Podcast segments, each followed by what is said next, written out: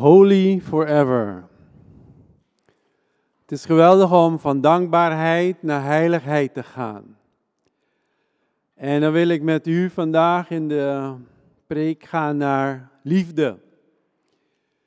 De jaartekst van dit jaar heb ik hier voor u. En die jaartekst is: Alles wat u doet, moet u met liefde doen. Uit 1 Korinthe 16, vers 14. Alles wat u doet, moet u met liefde doen. We hebben een jaar om, dit, uh, om hieraan te werken, om dit te realiseren, om dit te snappen. En Paulus die geeft deze tekst aan het einde van een brief aan de Corinthiërs. En hij had heel veel strijd met de Corinthiërs. Hij heeft drie brieven geschreven.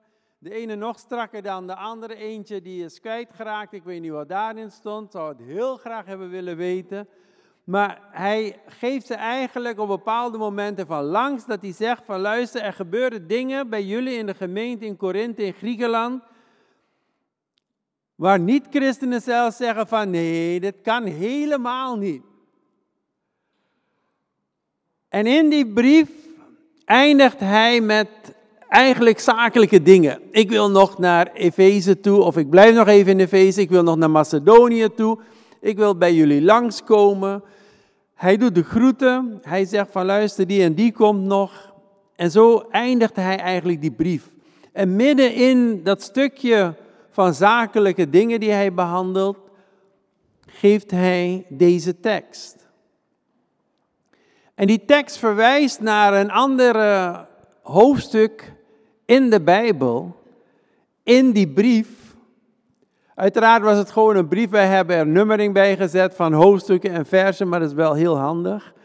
En bij ons heet het 1 Korinthe 13 en dat heet eigenlijk het Hooglied der Liefde. In het Oude Testament heb je het boek Hooglied. In het Nieuwe Testament heb je eigenlijk wat men noemt het Hooglied der Liefde. En het Grieks had vier woorden voor liefde. En een van die woorden is agape. En dat betekent eigenlijk de liefde zoals God die naar jou toe heeft. Je hebt ook broederliefde, je hebt ook seksuele liefde, je hebt nog een andere liefde. Maar agape, dat is eigenlijk de goddelijke liefde daar wordt hiervan gesproken. En in 1 Korinthe 13 vat Paulus samen wat die liefde is. Al sprak ik de talen van alle mensen en die van de engelen, had ik de liefde niet, ik zou niet meer zijn dan een dreunende gong of een schelle symbaal. Al had ik de gave om te profiteren en doorgronde ik alle geheimen. Al bezat ik alle kennis en had ik het geloof dat bergen kan verplaatsen. Had ik de liefde niet, ik zou niet zijn.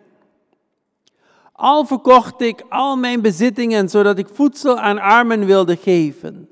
Al gaf ik mijn lichaam prijs en kon ik daar trots op zijn, had ik de liefde niet. Het zou mij niet baten. De liefde is geduldig en vol goedheid. De liefde kent geen afgunst, geen ijdel vertoon en geen zelfgenoegzaamheid. Ze is niet grof en niet zelfzuchtig. Ze laat zich niet boos maken en rekent het kwaad niet aan. Ze verheugt zich niet over het onrecht, maar vindt vreugde in de waarheid. Alles verdraagt ze, alles gelooft ze, alles hoopt ze in alles volhardt ze. De liefde zal nooit vergaan. Profetieën zullen verdwijnen. Klanktaal, spreken tongen zal verstommen. Kennis zal verloren gaan. Want ons kennis schiet tekort en ons profiteren is beperkt. Wanneer het volmaakte komt, zal wat beperkt is verdwijnen. Toen ik nog een kind was, sprak ik als een kind. Ik dacht als een kind. Ik redeneerde als een kind. Nu ik volwassen ben, heb ik al het kinderlijke achter me gelaten. Nu kijken we nog in een wazige spiegel, maar straks staan we oog in oog. Nu is mijn kennen nog beperkt, maar straks zal ik volledig kennen zoals ik zelf gekend ben. Ons resten dan geloof, hoop en liefde. Maar de grootste daarvan is de liefde. Dit is de liefde waar Paulus het over heeft als hij aan het einde van zijn brief tussen al die zakelijke dingen vermeldt van doe alles in liefde. Ik weet niet of het u lukt. Ik was een van die dagen aan het, uh, nou ja, ik noem het niet meer hardlopen, het gaat zo traag, het is gewoon joggen. Maar ik hou van in de buitenlucht zijn, ik hou van het lopen en dan probeer ik een half uur tot een uurtje. En ik vond het altijd vroeger fantastisch om te doen. Ik ben sporter van huis uit, voor mezelf. Maar terwijl ik daar liep, moest ik aan die tekst denken en toen dacht ik, hou je nog wel van waar je nu mee bezig bent? En toen dacht ik van, oké, maar hoe kom ik weer bij, ik doe het nu uit gewoonte of voor gezondheid of omdat het, ja, goed is, maar hou ik ervan? Is er liefde in? En toen dacht ik, ja, dat is die worsteling die wij dit jaar ingaan. We kunnen wel zeggen, doe alles uit liefde, maar eerst, hoe kom je bij die liefde? Hoe kom je van die dagelijkse activiteit of wat je ook doet, hoe kom je bij die liefde die God in jouw hart wil uitstorten? En ik ging bij mezelf na van wat hindert mij, gewoon als oefening, om van dit hardlopen te houden zoals ik er vroeger van hield. Er zijn negen verschillende stijlen van jouw geestelijk leven uitleven. Bij sommigen is het artistiek, bij sommigen zoals muzikaal. Bij sommigen is het nadenken of intellectueel. Bij anderen is het in de natuur zijn. De andere, nou, er zijn zo verschillende negen manieren om met de Heer bezig te zijn.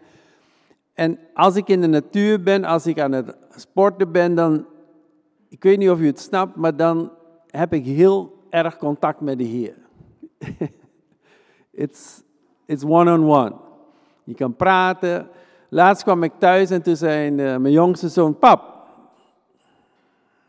wat was er nou? Ik had mijn uh, worshipliederen had ik meegenomen bij het hardlopen. En die had ik aanstaan. Hij vroeg, heb je geen oortjes? Ik zeg, nee, die vallen eruit als ik ga hardlopen. Dus je loopt zo op straat. Ik zeg, yep. Gewoon hard genoeg dat ik die liederen hoor. En wie langs loopt, die hoort ze ook. Ja, can't help it. Praise the Lord.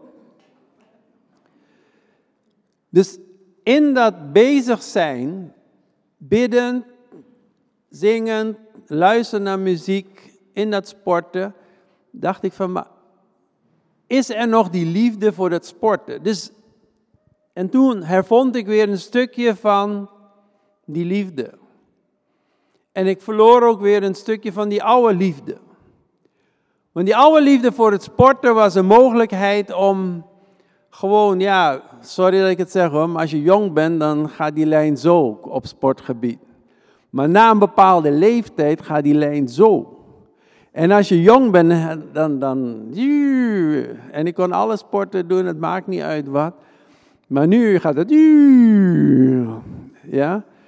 Dus die liefde voor het sporten moet ik een beetje veranderen. Want gaat mij hier om: gaat het u lukken? Gaat deze uitdaging van Paulus dit jaar lukken? Ik had ook een lijst van 28 dingen. Zuster Meeuwis, het zijn 28 dingen, toch? Wat Gods geest doet en je verandert. Maar zuster eh, Heijzen die had al 20 en ingekort tot 10. Dus zuster Mavis gaat haar 28 dingen uh, nou, vermenigvuldigen en dan gaat het uitdelen aan de gebedsgroep. Misschien kunt u gewoon 50, 60, 100 maken, dan kunnen mensen die hier komen meenemen. En dat is een lijst van dingen die Gods geest in u verandert. Als Gods geest in u werkt. En als u dit gaat proberen, alles in liefde te doen vanuit uzelf, voordat u de kerk uitgaat, is het al mis. Maar als u tegen de Heer zegt, Heer, wat is dit?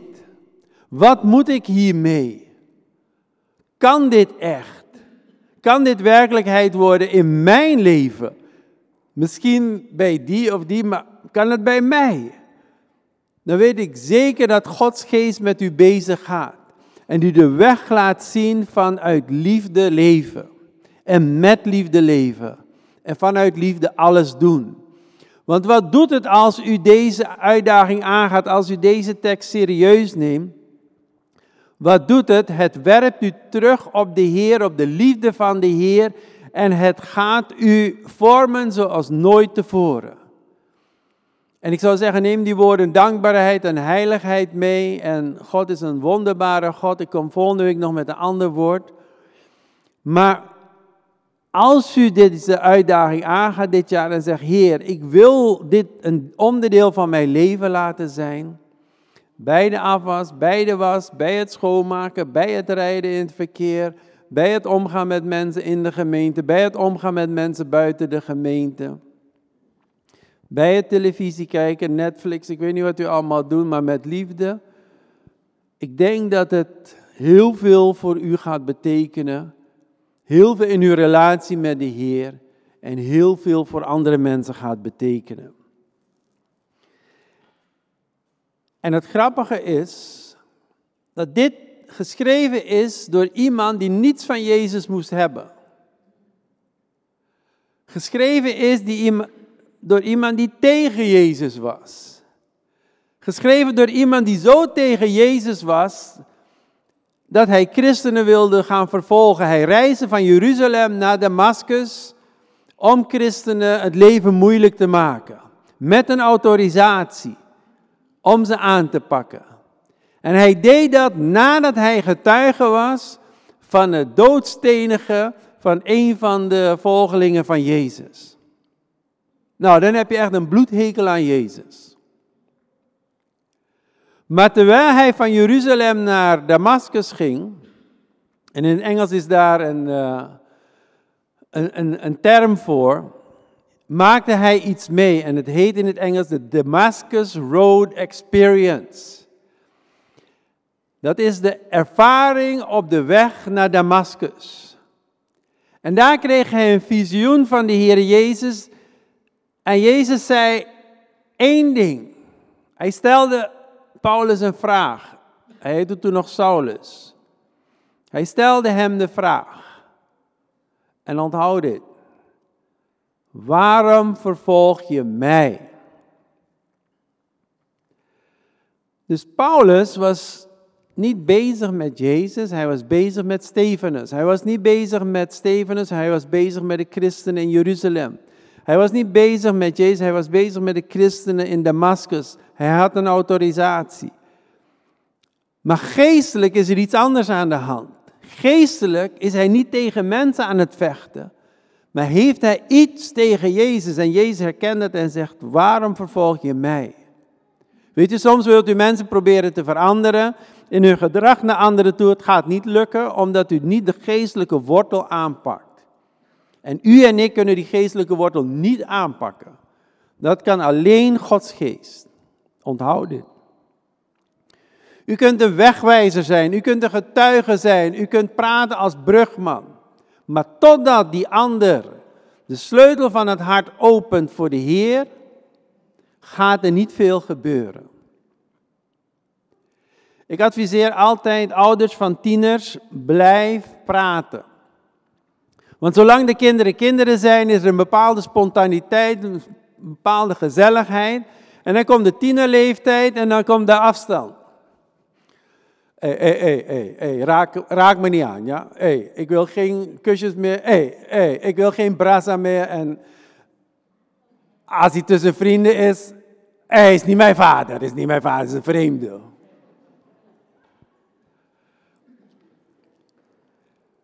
En dan voel je zo van, hé, wat is dit? Maar het heeft niks met u te maken. Het heeft te maken met degene die tiener is, die zichzelf moet ontwikkelen, zichzelf moet zijn, zichzelf vinden. Ik weet niet of dat de juiste uitspraak is. En als u dan afstand gaat nemen, maakt u een cruciale fout. Wat u moet doen is gewoon liefde blijven pompen, gewoon blijven praten, gewoon geven. En die tiener pakt zelf wel daaruit hoe of wat. En op een gegeven moment zie je dingen opengaan. En een van de meest mooie ervaringen van ouders, ik hoop dat u het ooit ook hebt meegemaakt, is dat je een bepaald gedrag ziet van je kind. Ik praat niet over mijn zoons, over het algemeen. Je ziet een bepaald bedrag van een kind en je maakt je daar zorgen over. Maar dat is thuisgedrag. Maar van anderen hoor je dan, oh nee hoor, dat is zo'n fantastisch kind. Dus onthoud, u ziet niet alles van uw kind. Het kind kan zich buiten voorbeelden gedragen en binnen moet hij misschien even afreageren. Oké. Waarom zeg ik dit allemaal? Omdat ik graag wil dat u doorhebt dat Gods geest dingen in u en in uw kinderen en in anderen kan veranderen. Moment dat zij die toestemming geven, moment dat zij ja zeggen, moment dat zij ervoor gaan. En Paulus ontmoette Jezus op de weg naar Damascus. En in die ervaring heeft hij gezegd: Oké, Heer, ik wil u volgen. Hij heeft zich laten dopen en is niet alleen volgeling geworden, maar grote verkondiger van het evangelie. En die man, die eerst erbij stond toen christenen werden gedood en zoiets had, ja, prima, doorgaan, ik ga met jullie mee naar Damascus. Die heeft zo'n transformatie in zijn leven meegemaakt, dat hij zoveel heeft geleden voor Jezus, schipbreuk, slagen, gevangenis, bijna dood, van alles. Maar die man presteert het om te zeggen in alles, volg mijn voorbeeld na, zegt hij in een van de brieven, in alles doe het in en vanuit liefde. En dan geeft hij ook nog een uitleg wat liefde is. Met andere woorden, toen Paulus een brieven schreef, toen Paulus een prediking deed, toen Paulus leefde, Lees Handelingen 1 tot en met het brief van Hebreeën door vanuit deze tekst. Was dat op de basis van een bodem van liefde. En niet zijn liefde, maar de liefde van God, uitgestort in Jezus. Een andere apostel zegt, God is liefde, in Johannes 4. En Johannes zegt ook in Johannes 3, vers 16, al zo lief heeft God de wereld gehad. Dus het gaat ook heel ver. Dit is echt een fundamentele tekst voor een ieder van ons. Maar hij geeft het aan het eind van die brief. Hij zegt, luister, ik wil naar, uh, naar daar en daar, ik wil naar Macedonië, ik wil hier in de feesten blijven, ik wil nog even bij jullie langskomen. Apollos laat jullie groeten, Steven, um, Stefanas die laat jullie groeten en de huisgenoten. En te midden van eigenlijk al die zakelijke dingen zegt hij, wees waakzaam. Volhard in het geloof. Wees moedig en sterk. Alles wat u doet, moet u met liefde doen. In het Grieks is het nog veel beknopter, veel korter, minder woorden. Alles in liefde. Ik vat het nu even heel kort samen omdat ik even dat moeten wil vermijden. Het is een opdracht, aan u. Alles in liefde, alles vanuit liefde, alles met liefde. Gaat dat u lukken dit jaar? Gaat dat u lukken dit jaar? Gaat het ons lukken? Gaan we elkaar aanmoedigen en zeggen: je kan alles in liefde doen. Volgende, nee hoor, maar het lijkt me wel een leuk idee. Volgende week sta ik bij de deur. Dan kijk of u me in, vanuit en met liefde groet.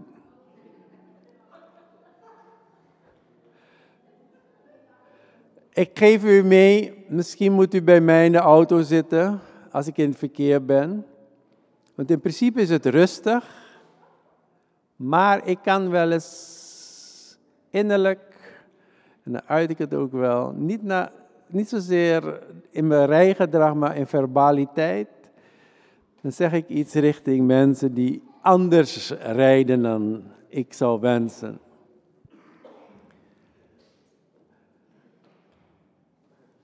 Weet u, ik denk dat het een uitdaging is om u te laten slijpen door de Heer. Hij zei net, sta nou eens op, ochtends, met dankbaarheid, dan wordt die dag licht. Sta nou eens op, in, met, vanuit liefde. Ik had gisteren twee uh, huiszegens, uh, middagzegens, één voor een 86-jarige en één voor een 80-jarige. En tegen die 86-jarige heb ik gezegd, zuster, u heeft zoveel voor de Heer gedaan. U heeft zo voor de Heer geleefd. U kan misschien niet zoveel meer als u zou willen doen. Ze vloog elke maand op en neer vanuit Spanje naar Nederland om het evangelie te verkondigen. Dan bleef ze twee weken hier en dan ging ze weer terug. En dat deed ze jarenlang. Vanuit de liefde van de Heer. En nu kan ze dat niet meer. En, en je ziet dat het haar, nou ik kan denk, pijn doet. Dat ze het jammer vindt. En ik heb tegen haar gezegd, waar u bent, bent u een zegen. Dat u er bent, u bent een zegen. U hoeft niet zoveel meer te doen dan lief te hebben. En van daaruit wat u kan doen, dat is prima.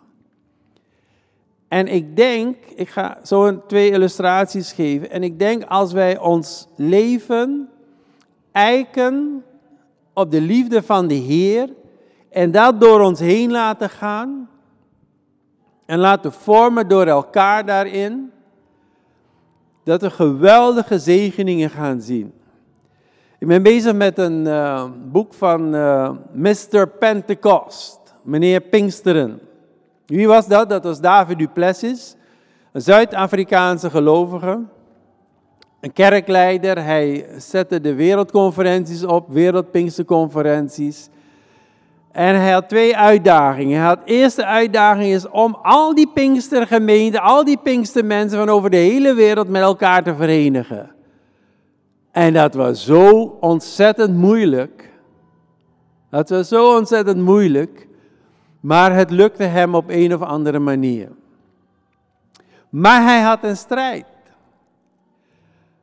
Een van de grote, markante mensen uit Zuid-Afrika was Smith Wigglesworth.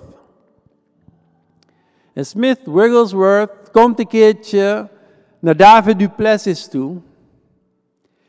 Hij komt de kamer binnen, een kantoor, zegt rechtstreeks tegen hem: God gaat jou gebruiken in die oude gevestigde kerken. En Smith Wigglesworth liep weer naar buiten. En David was zo onder de indruk van wat hij zei en de manier waarop hij het zei, heel streng, heel strak, heel duidelijk, dat hij eigenlijk een beetje in shock was. Maar hij vergat dat moment nooit meer. En Smith was een goede vriend van hem, maar die kwam echt, boom, en hij ging weer weg. Even later komt Smith Wigglesworth weer binnenlopen. Hé hey David, hoe is het? En David zegt, ja wacht even. Net heb je me zo aangepakt. En nu kom je. Hij zegt, ja. Ik was in mijn stille tijd vanochtend en de Heer zei dat ik dat aan je moest zeggen. En het woord zegt, groet niemand onderweg, doe wat je moet doen. En that's it. Goed.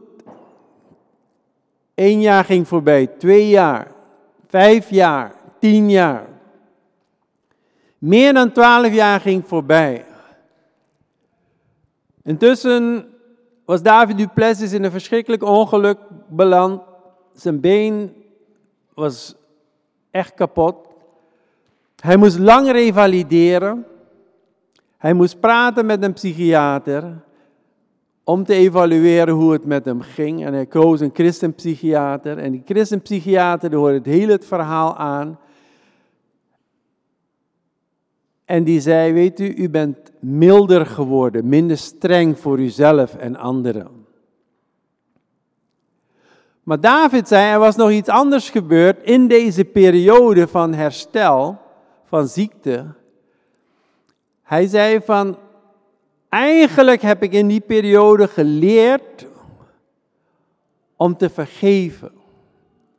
Ik heb geleerd om met de Heer bezig te zijn op een dieper niveau. En hij gaf eigenlijk aan dat hij totaal moeite had om die brug te slaan naar allerlei gevestigde kerken als Pinksterman. Maar hij moest leren vergeven. Hij moest leren liefhebben. En pas daarna kon hij die taak aanvatten. Toen hij geestelijk die brug had overwonnen, om die opdracht te aanvaarden, om vanuit vergeving in die opdracht te staan en om vanuit liefde in die opdracht te staan. Oké, I'm going to spell it out to you. Ik ga het even uitleggen. God kan u hier ergens een opdracht hebben gegeven of een visioen. En u bent hier of hier of hier. En u vraagt zich af, hoe lang nog, Heer? De tijden zijn in de handen van de Heer. Maar misschien kunt u dit meenemen uit het leven van David. Zolang u niet vanuit vergeving in die opdracht staat, zolang u niet vanuit liefde in die opdracht staat, gaat de Heer u moeten blijven vormen totdat u innerlijk zo ver bent om die opdracht te vervullen in de geest van de Heer. En dan komt het voorbeeld dat David Duplessis geeft in zijn boek. Hij zegt, hij was een zendeling, die ging in een dorp werken. En hij had maar een heel klein beetje scholing op medisch gebied. Maar er speelden zich allerlei medische dingen af, dus hij hield gewoon spreekuur en zegt van oké, ik ga mensen helpen met wat ik kan. En hij hielp mensen en het aantal mensen groeide en het werd drukker en drukker en hij moest het gaan organiseren. Op een gegeven moment kon hij met verlof en kreeg hij gedaan dat er een echte arts naar dat dorp ging. En ze hadden ook invloed op de wijde omgeving. En in het begin kwamen er heel veel mensen. Man was bekwaam, wist wat hij deed. Maar na verloop van tijd daalde het aantal mensen dat kwam. En toen ze gingen kijken wat er aan de hand was, toen zeiden de mensen, want ze zeiden van luister, deze kon het niet zo goed. En jullie kwamen meer en meer. En deze kan het heel goed en jullie komen minder en minder. Toen zeiden de mensen, ja, bij deze werd je met liefde behandeld en hier word je gewoon technisch behandeld. Ik weet niet wat u zoekt in uw leven, maar ik kan u 100% zeker zeggen, als u deze tekst tot onderdeel van uw leven maakt, ik hou niet zoveel om het woord succes te gebruiken, maar zult u zegen ontvangen in wat u doet. Ik heb een tekst voor deze gemeente. Dat sluit aan bij deze tekst. Omdat ik geloof dat wij als gemeente dit jaar weer een stapje verder kunnen gaan. En ik geloof dat wij deze uitdaging makkelijk aankunnen. U weet wat ik bedoel. Maar deze tekst van Efeze 3 wil ik u echt voorhouden voor ons als gemeente dit jaar. En het begint in Efeze 3, vers 11b. In Christus Jezus onze Heer, in wie wij vrij toegang hebben tot God. Dus in Christus hebben we vrijheid naar God toe. Vol vertrouwen. Door ons geloof in Hem. Ik vraag u dan ook de moed niet te verliezen. En kijk hoe fantastisch Paulus het is. Wanneer ik leid omwille van u, want daaraan kunt u eer ontlenen. Dus degene die bereid was om Stefanus te doden, die zegt nu ik leid, maar daar moet je moed aan ontlenen voor jouw christelijk leven. Als je dat als apostel kan doen, ben je heel ver. Niet alleen dat, hij zegt, daarom buig ik mijn knieën voor de Vader. Die de Vader is van elke gemeenschap in de hemelsferen en op aarde. En dan komt dit gebed. Voor gemeente Emmanuel. Mogen Hij vanuit zijn rijke luister uw innerlijk wezen kracht en sterkte schenken door zijn geest. Zodat door uw geloof Christus kan gaan wonen in uw hart. En nu komt het. En u geworteld en gegrondvest blijft in de liefde. Nou, en dan komt een tekst die mindblowing is, zeer groot. Dan zult u met alle heiligen de lengte en de breedte, de hoogte en de diepte kunnen begrijpen. Ja, de liefde van Christus kennen, die alle kennis te boven gaat, opdat u zult vol, sorry, opdat u zult volstromen met Gods volkomenheid. Aan Hem die door de kracht die in ons werkt bij machten is oneindig veel meer te doen dan wij vragen of denken. Aan Hem komt de eer toe in de kerk en in Christus Jezus, tot in alle generaties, tot in alle eeuwigheid. Zullen we gaan staan?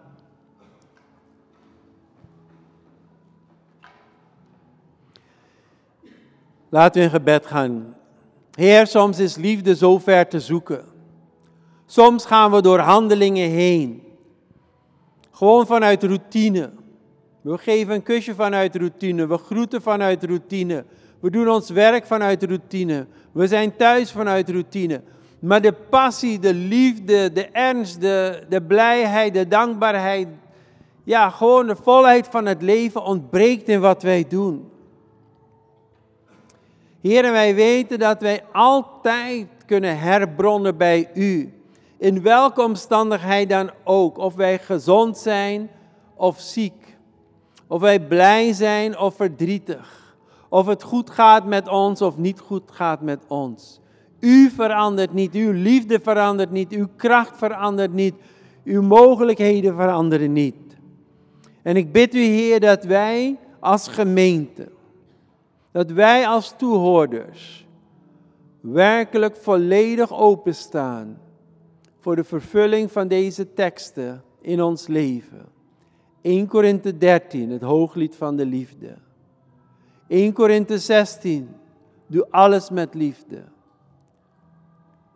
En specifiek voor deze gemeente Efeze 3, dat wij gegrondvest en geworteld zijn in liefde. Heer, u kunt doen, zegt de tekst, boven bidden en denken uit, door de Heilige Geest. We vragen niets en niets minder. In Jezus' naam. Amen.